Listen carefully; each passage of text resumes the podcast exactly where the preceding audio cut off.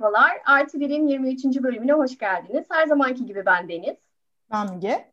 Ben Nurcan.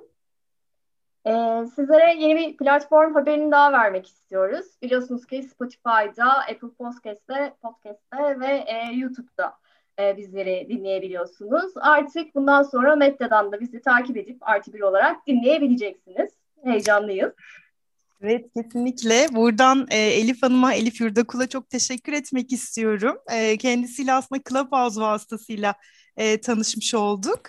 E, ve Metta'nın kurucusu, CEO'su aynı zamanda. Sağ olsun çok ilgilendi bizim e, yaklaşık bir buçuk senedir podcast çekiyor olmamızla. Ve hemen içeriklerimizi Meta platformuna da aktardılar. Metta'nın e, en güzel tarafı aslında dinleyicilerle etkileşime geçebilmesi. Çok hoşuma gitti. Yüklediğimiz bölümlerle ilgili bakıyoruz hani beğenilen bölümler, daha çok ilgi gören bölümler hangileri? Spotify'dan böyle bir farkı var. Tüm ekibe e, çok teşekkür etmek istiyorum öncelikle ben. İçerik olarak da bayağı dolu dolu Metta bu arada. Hani çok. meditasyonla ilgili birçok içerik var. Onun haricinde işte hikayeler var. Mesela çocuklar Kişisel için de gelişim. çok güzel hikayeler varmış. Evet. Onları dinledim. Evet başarılı. Başlıklar ee, umarım... çok güzel Nurcan dediğin gibi. Bak şey e, uyku, evet. hikayeler, kısa bir mola, sağlık, podcastler, performans, gün içinde yakın ilişkiler, odak, çocuk, kaygı ve stres, öz şefkat diye devam ediyor. Oldukça uzun bir liste. Ben herkesin kendine göre e, bir şeyler bulabileceğine inanıyorum bu uygulamada.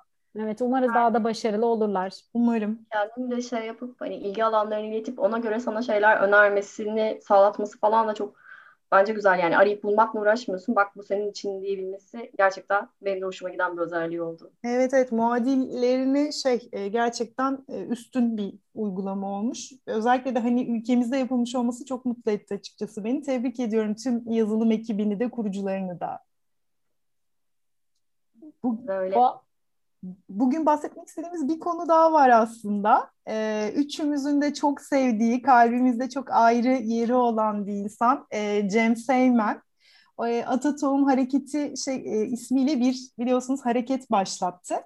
E, daha önce de e, Para Dedektifi programını yapıyordu CNN Türk'te uzun yıllar ama ne yazık ki günümüzde biliyorsunuz e, onun gibi böyle özgür konuşan insanları basın yayın organlarında e, devam ettirmiyorlar. Böyle bir gerçek Keşke var. Sadece basın yayın organında da değil tabii. Hiçbir yerde aslında istenmiyorlar. İstenmiyorlar ama e, bu sanki bir e, nasıl diyeyim size bir şeyi tetikledi, bir şeyleri başlattı. E, her kötü şeyde bir güzel taraf var her zaman olduğu gibi.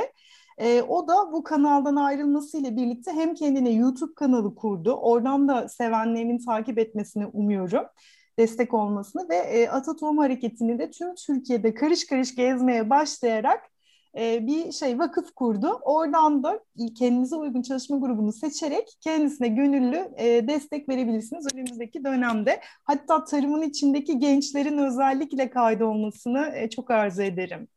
Tarımla ilgili uzun yıllardır konuşuyor Cem Seymen. Hani onlardan bir tanesi de hep şey diyor ya hani beyaz yakalılar artık hani bu işi yapmaya başlayacak diye.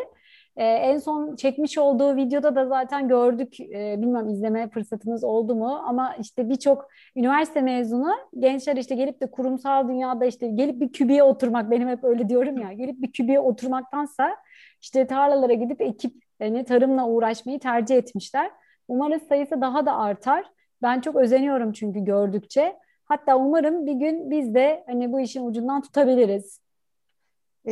Artık şey e, yani gerçekten bu sayılar daha da artacağı yönde zaten şey yapıyor. Yani bu e, Covid ile birlikte en çok artacak değerlerden biri tarım olacağı yönünde zaten bütün göstergeler görünüyor ve dediğiniz gibi e, bunu artık e, okumuş insanlar yani aileden beri çiftçi olanlardan okumuş insanlar devralıp daha da ileriye götürecek, dijitalleştirilecek e, gözüyle bakılıyor ve adım adım aslında buna doğru gidiyor ve şey de çok güzel.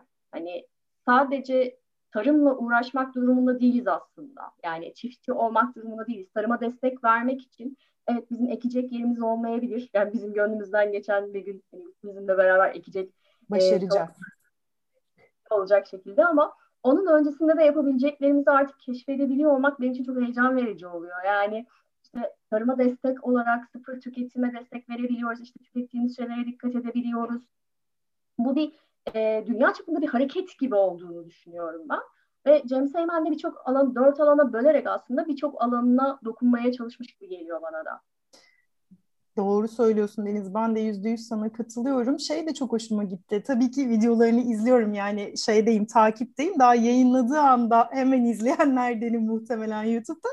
Ee, şey de çok hoşuma gidiyor. Yani gençler e, tarıma farklı bir bakış açısıyla giriyor. Yani her şeyden önce bir kere teknolojiyi kullandıklarını görüyorsun. Ben hani evde kendi çapımda diyorum küçücük balkonda damla sulama yöntemiyle hani üç günde maydanoz yetiştirilebildiğini öğrendim. Avrupa'da biliyorsunuz yıllardır zaten bu teknolojiler kullanılıyor. Hani doğru ışık, doğru ısı ve doğru sulama. Ee, ben şehirler arası Türkiye'de bir e, tren seyahati yaparken İsrailli bir aileye denk gelmiştim. Çocuk böyle camdan annesi babasıyla bakıyorlar. E, çocuk şok geçiriyor. Ondan sonra annesi babası da bir şey anlatmaya çalışıyor. Ben de merak ettim, dayanamadım, sordum. Dedim ki neye şaşırıyor hani kızınız acaba bu kadar? E, hortumla dedi tarlaları suladıklarını gördü dedi. Hani ona çok şaşırıyor. Bizim orada dedi hani böyle borular var toprakta. orada epey bir aramızda teknoloji fark. Yani bu söylediğim tabii benim 15 yıl önce falan düşünün e, bir kısım... Şu anda da öyledir emin ol. Ya bir kısım başardı. Ege'de falan bence doğru şeyleri, teknikleri kullanmaya başladılar. E traktörü bile biliyorsunuz kaç köyün ortak kullandığı bir ülkede yaşıyoruz. Hani böyle bir gerçek var. O yüzden gençlerin girmesi çok önemli. Farklı şeyler de yetiştiriyorlar. Yani o da çok güzel. İşte ata tohumlarını buluyorlar, değiş tokuş yapıyorlar. Genç bakış açısı bana zaten çok keyifli Bu dediğin geliyor. videoda kırmızı patates yetiştiriyordu. Kırmızı Sabancı Üniversitesi'nden evet, mezun olan bir çocuk. Evet, evet, evet. Şey olarak hani e, glisemik endeksi mi yani doğru tabir midir emin yüksek, değilim ama evet. evet patatesin daha düşük hani şekere dönüşmeyen lif olarak da zengin Aynen. Ee, dediğim gibi hani çok daha sağlıklı bir patates alternatifi olduğunu ve lezzetinin hiç farkı olmadığını söyledi. Ben şahsen merak ettim. Bulsam alır yerim yani. Evet ilk defa da gördüm öyle bir şey patates yamuk yumuk mor böyle pancar tipli bir şey. Pancere benziyor aynen öyle pancere benziyordu. Ama ne kadar düzgün konuşuyordu çocuk. Yani yaptığı işi sevdiğini, araştırdığını, işte insanlarla evet. dayanıştığını Böyle insanlar gönül verince e, Cem Seymen de onlara birazcık hani elinden tutup yön verirse bu ülkede çok güzel şeyler olacağına inanıyorum ben tarım anlamında. Bu arada çok tabii üst üste geldi ama ben de Cem Seymen'in kitabını okuyorum. Özgürlüğün rengi evet. mavidir diye. Kitap da çok güzel ve başarılı. Onu da çok keyifle okuyorum. Sadece tarım değil biraz kendi çocukluğuna da hani dönüp anlatıyor. Kapadokya'da ee, işte, büyümüş değil mi? Güzel. Kapadokya'da büyüdün işte oradaki ortamı da anlatıyor ve işte maalesef o 82 darbesi orada insanların neler yaşadığını okuyunca aslında bugünle o kadar böyle paralel şeyler olduğunu da fark ettim ki dedim ki hani Türkiye sanki böyle bir döngünün içerisinde yani o döngü bir tamamlıyor bir çıkıyor gibi oluyor tekrar aynı döngünün içerisine geri giriyor gibi. Hani bir şekilde biz oradan o zincirlerimizi kıramıyoruz. Aynı yerde kalıyoruz gibi hissettim. E, eline kalemine sağlık. Çok güzel yazmış kitabı da. Bu biraz şey gibi oldu sanki ama bu bölümde biraz James Heyman'ı övmez miyiz? Hani hani Berlin ama çok hak etmiyor mu Nurcan? Yani kendini bu kadar Gönlümüzün tarım bakanı adamış. değil mi? Yani evet, ikimiz, evet, evet. Ya ben bu kadar aşkla olsa... konuşan, bu kadar duygusal, bu kadar güzel anlatan insanın ilişkileri. Bence iyi bir lider de çok. Hani bir harekete geçirebiliyor çok, yani karşıdaki Çok temiz bir insanları. Türkçeyle konuşuyor. O çok hoşuma gidiyor gerçekten ve değindiği Edebiyat konular. okumuş çünkü. Onun evet, da tabii çok etkisi, etkisi vardır. var. Ee, hayvan sevgisi, tarım sevgisi, insan sevgisi bir insanda bence en Yeter güzel zaten. özellikler. Aynen öyle. Çok var aslında yani şeyleri e, peşinden koşturacak, e, kendisini takip eden, ilerleyen insanlar çok fazla e, az da değil James Hayman takipçileri. O yüzden hani bence bizi şey görmezler. Çok da övdünüz demezler bence. Gerçekten daha fazlasını hak ediyor. Ve halkımız da bence ona doğru gidiyor. İstanbul Üniversitesi'nde tarımla ilgili mesela ikinci üniversite olarak okuyanlara falan bayağı duymaya başladım ben. E, bunlar bana bayağı şey veriyor, şey veriyor. Şey vardı, e, bir sistem olarak artık belki büyük tarlalara gerek olmadan katlı böyle e, dikey tarım da var Deniz biliyorsun. Duvara böyle ekiyorlar. Evet, susuz tarım var mesela ona bakıyorlar. Susuz ee, tarım da var doğru. Evet. Yani bayağı gelişiyor aslında bir sektör. Yani hepimiz aslında evimizde e, kendi şeyimizi e, ne denir maydanozumuzu bostanımızı falan, kuru, evet. kurabileceğiz. Hı-hı. Belki de işte bu... E, Bostan tabii biraz iddialı oldu bilmiyorum. Yok Bostan diye geçiyor Nurcan onlar. Ev öyle tipi Bostan. ben 500 lira falan Hı. öyle söyleyeyim. Çok böyle zaten aslında korkulacak bir şey değil. Mesela bütün kışlık yeşilliğini ufacık balkonda bir alanda kat kat yetiştirebiliyorsun. 500 lira maliyetle öyle söyleyeyim ben buradan herkese. Böyle pimaş tarzı beyaz bir şey gibi oldu. Linki veriyoruz. Yukarı doğru kaydırın. hani neresi Hemen markayı destek sağlayacak ama kapitalizmi de e, sarsacağı için tabii bir, bir, bir noktadakilerin canını sıkacak şey e, sektörler geliyor olabilir. Yani bu işte kendi kendine e, yeşilliklerini üret. Sefer şeyden kapitalizmin şöyle bir şey var Deniz hani bireysel hareket olarak yaparsan çok sesini çıkarmıyor. Hani sen evinde bal balkonda yetiştir evet. Ama sesini çıkarma ona sıkıntı yok ama toplumsal olarak bir hareket yaparsan yani burada Boston'un yerine X koyabiliriz herhangi bir şey. O zaman hemen girip kafana çekici indirmeye başlıyorlar. Yani Hani bireysel harekette sıkıntı yok yani senden yetiştirebiliriz. Ama herkes kendini ben... doyurursa ona da takılırlar söyleyeyim size. Tabii tabii o da do- onu demek istiyorum. Kendi işte bir an böyle çok büyük bir kalabalık olursa bu yani toplumsal evet. bir hareket olursa o zaman hemen kafana indiriyor. Evet evet. Ya Olmaz. keser ya bir şey yapar. Yani kapitalizmin kafasına geçirilme zamanının yaklaştığını düşünenlerden Konuş Deniz. ne zaman bekliyoruz. Sabah ben oğluma anlatıyordum işte kapitalizmi anlatmaya çalışacağım 9 yaşındaki çocuğa. Dedim ki hani bir canavar hayal et parayla doyuyor yani ve sürekli daha çok para istiyor. Daha da şişmanlaşıyor ve doyuyor doyuyor daha çok para istiyor. Onun gibi düşünebilirsin işte yani küçücükten çocukları bile yakalamaya çalışıyor yani o kapitalizmden kurtulacağımız gün, günü hani hayırlısıyla işte e, çok heyecanla bekliyorum ama yani biz görür müyüz? Yani bizim çocuklarımız için onun biraz acı olacağını düşünüyorum. Çünkü hani onlar direkt bunun içerisine doğdular. Ee, ve hani bizlerden de bence çok daha fazla imkanlara da sahip oldular. Hani şu anda istediği işte tişörtün alınmaması, istediği bir oyuncağın, bir oyunun alınmaması gibi bir şeyi bilmiyorlar. Ee, eğer bu düzen yıkılıp normalde olması gereken hayat düzenine geçilirse epey hayal kırıklıkları yaşayacaklar o geçişte diye düşünüyorum. Hani bizim arzu duyduğumuz şey, özlem duyduğumuz şeyi onlar şu an öyle bir özlem duymuyorlar bu konforla. Birazcık yeni nesilde de şey var ya hani aidiyet duygusunun azalması, aidiyet değil özür dilerim yanlış söyledim, sahiplik ihtiyacı azalıyor biliyorsun hani son yapılan araştırmalarda işte ev almak istemiyorlar, araba almak istemiyorlar. Hani öyle bir şey sahip olmak evet, istemiyorlar. Evet. Daha özgür olmak istiyorlar. Yani hani onun bence hani pozitif etkisi olacaktır oradaki geçişte. Ben gençlerin o bakış açılarını çok beğeniyorum Nurcan. Yani israf olmadan işte yani hani otomobil için bile bunu düşünüyorlar biliyorsunuz hani paylaşım ekonomisi otomobili hani ortakta kullanabiliriz. Ee, çok fazla işte kıyafete ihtiyaç yok.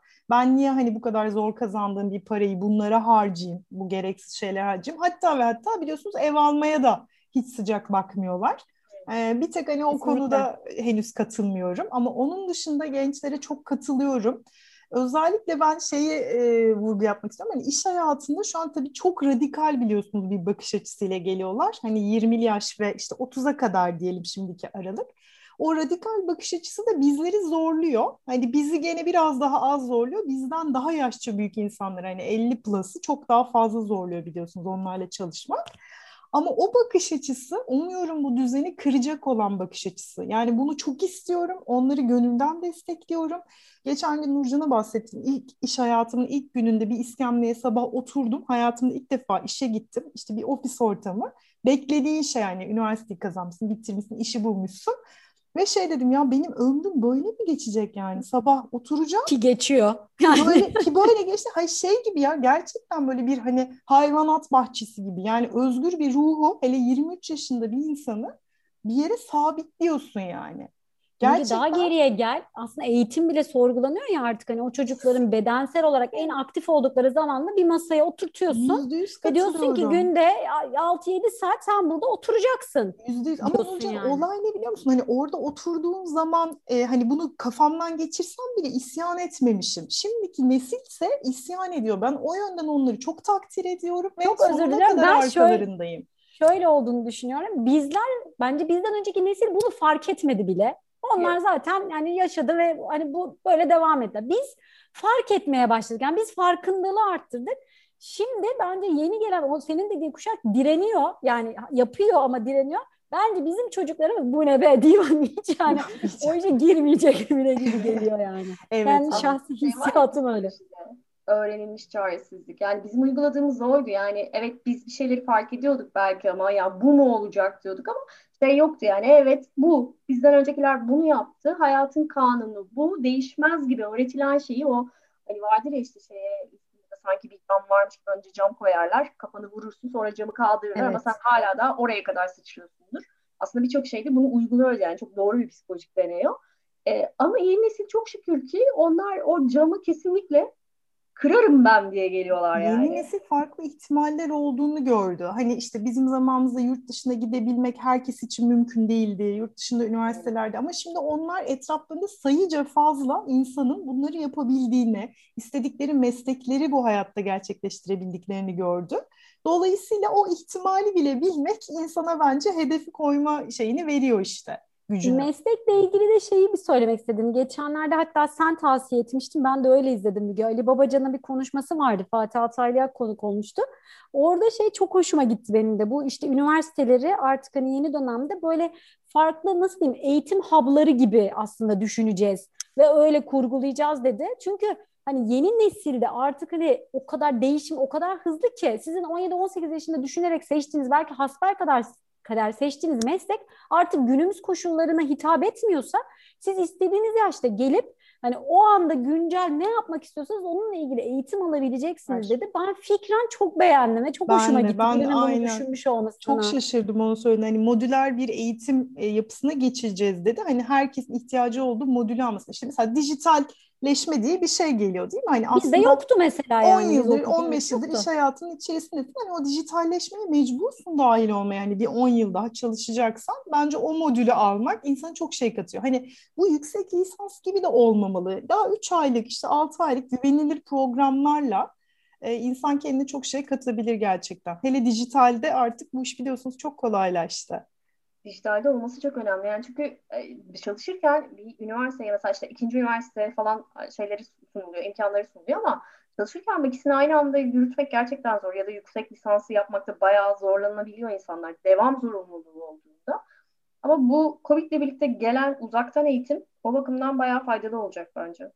Yüksek lisans size de şey gibi gelmiyor mu ya? CV'ye yazmak için. Hani gideyim Öyle. şuna da bir tik atılacak yani bu evet. kutucuğa da. Ya evet. Doldurduk CV'ye yazdık. Yani Birçok yani bence ya yapanların yüzde doksanı öyle yapıyormuş gibi Büyük geliyor bana. Büyük ihtimalle yüzde sana katılıyorum da Nurcan. Hani aslında bazı insanlar da gerçekten aradığı mesela ben çok uzun zamandır aradığım yüksek lisans başlığını bulamıyorum. Yani beni heyecanlandıracak, bana gerçekten bir şey Ama zaten bak sen demek ki o yüzde ondasın. Evet, Benim evet. dediğim sadece yapmak için yapanlar. Sen zaten aynen, aynen. ihtiyacını karşılayacak bir şey arıyorsun arıyorsun. Tersinden de bir şey söylemek istiyorum. Mühendislik bitirdiği halde işte işletme yüksek lisansı yapmış, doktorası yapmış insanlarda e, fayda sağladığını ben gözlemliyorum. Hani onu da belirtmek isterim. Ama bu şey çok kısıtlı işte. Hani mühendis bir insana o bakış açısını kazandırmak önemliyken işte işletme üstüne işletme master'ı hani ne kadar ne katıyor? Senin de dediğin gibi tartışılır bir konu. Bir de Türkiye'deki yüksek lisansların işte içi de zaten hani epeyce tartışmaya açık. İçeriğin tabii evet ne kadar kaliteli olduğu da çok şüpheli. Ben mesela işletme mezunuyum. Ee, bu konuya isterseniz başka bir podcast'e de değil. Yaparız.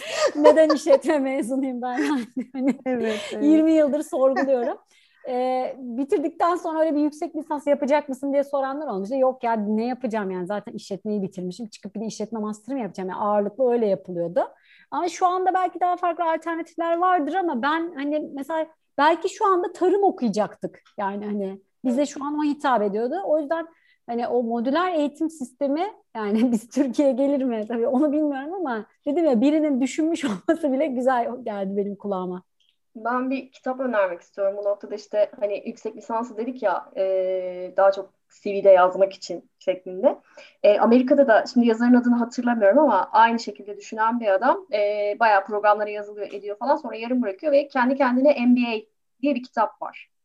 E, gerçek anlamda paranızı boş yere e, yüksek lisans MBA'ye harcamayın. Öğrettikleri şeyleri iş hayatında esas öğreniyorsunuz deyip adam bütün öğretilerini kitap haline getirmiş. E, ya yani ben hani buradan tavsiye de etmek isterim. E, gerçekten şey öğrenmek Faydalı. için bir şeyler yapanlar için tabii ki yani hani e, isteyenler için gerçekten e, faydalı bir kitap. Süper aklımızda olsun Deniz. Evet. Teşekkür ediyoruz öneri için de. Nurcan son olarak bir şeyden bahsedelim mi? Senle senin keşfettiğin, e, benim de sardığım bu mu yani? Ha podcast'ten Çok evet baş, bu ara başarılı bir podcast gerçekten. Aynen aynen Ee, işte onlar da iki çocukluk arkadaşı anladığım kadarıyla bayağı güzel konulara değiniyorlar. Bayağı 60'a yakında bölüm çekmişler. Ee, çok keyifli dinlemek isteyenler olursa başa alıp dinledik yani biz de. Onlar da Ee, ben- gençler ve o genç bakış açısıyla olaylara çok farklı yorumlar getiriyorlar. Sanıyorum 27 yaşlarındalar ve 28 yaşlarında gerçekten e, iyi bir hani e, bilgi birikimi yapmışlar 27 altı dolu kadar evet gibi konuştukları görünüyor. şeyleri. Her konuyla ilgili çok güzel şeyler anlatıyorlar. Ben fikir olarak şeyi de çok sevdim. Hani her podcast'te konuştukları işte kitabı ya da bir YouTube linki, bir TED konuşması neyse onu bir web sitesi yapıp o bölümün içine gömmüşler. Ee, o yüzden de hani böyle okuduğun, dinlediğin şeyi hani bulabiliyorsun da e, güzel düşünülmüş o da. Evet evet tavsiye ederiz. O zaman bugünü böyle kapatalım mı? Olur. Kapatalım. Teşekkür ediyoruz. Tekrardan, Tekrardan- görüşmek üzere. Görüşmek dileğiyle. Evet. Tekrardan diye de bir kelime yokmuş. Onu da söyleyeyim mi? Tekrar Evet. görüşmek üzere. Dileğiyle. Evet, evet. Evet, ortaokul tarihi şey, e, Türkçe hocamın kafamıza vurdu. Tekrar görüşmek dileğiyle değil. Tekrar görüşmek dileğiyle deyip bu programda Herkese konuşuyoruz. sağlıklı günler diliyoruz. Hoşçakalın.